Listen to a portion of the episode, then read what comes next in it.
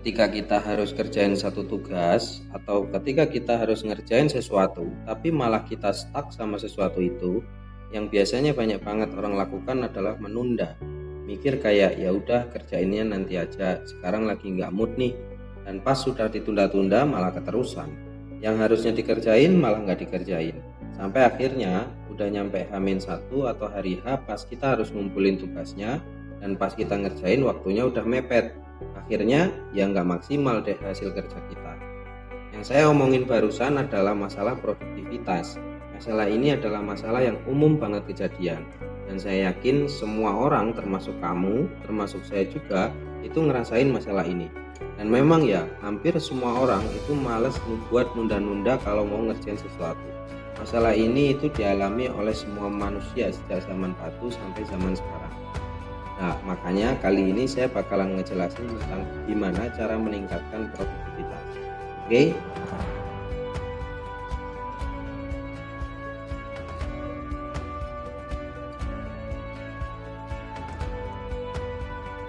Salah satu tindakan yang kurang produktif yang paling sering kita lakukan adalah menunda atau prokras mau ngerjain tugas males, mau belajar males, jam kerja malah aktif baca yang lain, malah asik main HP atau bahkan malah asik ngobrol. Berdasarkan riset, sebenarnya banyak banget orang yang prokras di dunia ini. Sekitar 20% baik itu pria maupun wanita di seluruh dunia ini adalah prokras, prokrastinator dalam menjalani gaya hidup mereka. Sekarang coba bayangin situasinya. Ketika kita stuck sama suatu pekerjaan, tapi dalam diri kita ingin bilang bahwa oke okay, saya kerjanya besok aja. Tapi kita malah bilang oke okay, ini susah tapi ini harus tetap di, dikerjain. Dan kalau gagal atau menghambat ya coba sedikit-sedikit itu saya pasti bisa. Enak kan? Kalau bisa kayak gitu pastinya ya prokrastinasi gak bakal jadi pilihan atau gaya hidup kita. Karena ya basicnya menekankan pada ketenangan. Kalaupun kamu ada di situasi yang gak menyenangkan sekalipun harusnya keputusan menghindar dan gegabah sebenarnya bukanlah keputusan yang akan kamu pilih. Nah, terus gimana nih supaya bisa jadi produktif?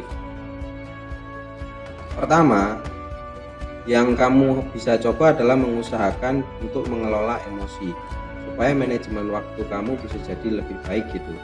Live underline feeling atau kepercayaan kamu pada sesuatu akan membentuk perasaan atau akan membentuk emosi kamu.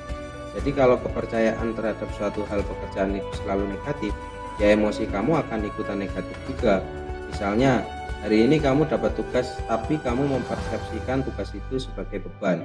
Otomatis kamu bakal males dong dan bakal mengalami emosi negatif. Bakal kayak gitu ngerjainnya. Tapi kalau misalnya kamu mempersepsikan tugas itu sebaliknya, kamu meyakini tugas itu sebagai ilmu baru. Ya kamu bakalan lebih positif gitu. Emosi positif yang akan excited sama tugasnya dan mengurangi rasa malas. Prinsip pertamanya adalah keyakinan yang menciptakan perasaan. Inilah yang ditekankan oleh Epictetus salah satu filsuf.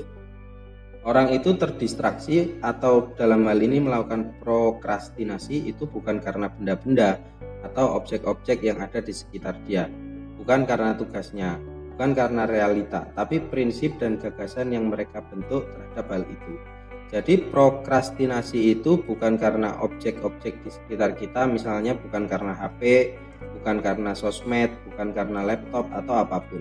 Tapi prokrastinasi itu berasal dari mindset kamu, di mana kamu memandang pekerjaan kalau selama ini kamu mempersepsikan pekerjaan sebagai beban, maka ya itu akan jadi beban dan menciptakan emosi negatif.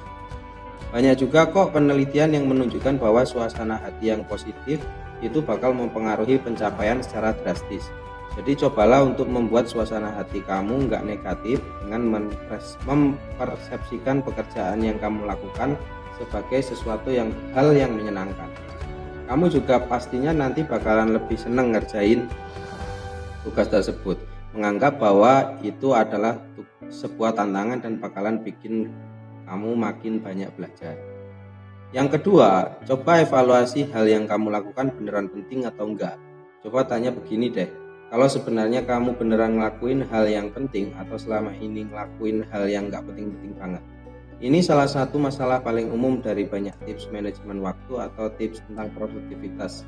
banyak banget yang fokus pada gimana caranya ngelakuin sesuatu dengan cepat padahal meski kamu cepat atau baik dalam mengerjakan sesuatu belum tentu yang kamu kerjain itu benar-benar penting. Jadi gimana nih cara kita mastiin bahwa sesuatu yang kita kerjain itu beneran penting? Coba deh kamu luangkan waktu untuk mundur dan refleksikan apa yang kamu kerjain. Dan kamu tanya sama diri sendiri sebenarnya apa sih yang benar-benar penting buat kamu karena kadang gini kalau kita lagi sibuk kita suka lupa sama big picture dari apa yang kita kerjain.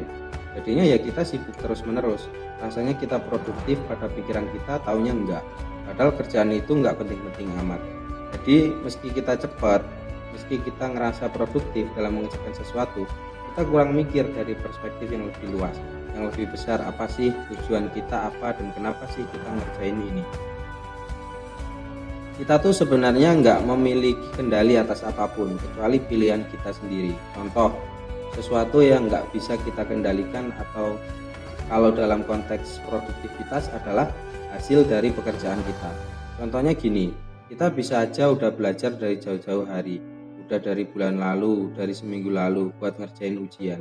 Tapi kan nanti hasil ujiannya nggak bisa kita kontrol sepenuhnya gitu. Masalahnya adalah banyak orang yang khawatir sama hasil sampai akhirnya orang-orang itu melupakan prosesnya, melupakan hal yang harus dilakuin di tengah jalan, melupakan hal yang dia pilih sehari-hari supaya dia bisa menuju ke hasil itu. Jadi gimana? Ya kebanyakan overthinking daripada kerjaannya. Pertanyaannya adalah, terus harus bagaimana gitu? Yang sebaiknya dilakukan adalah fokus sama hal yang bisa kita kontrol masalah hasil atau masalah faktor eksternal ya udah nggak nggak usah terlalu dikhawatirkan.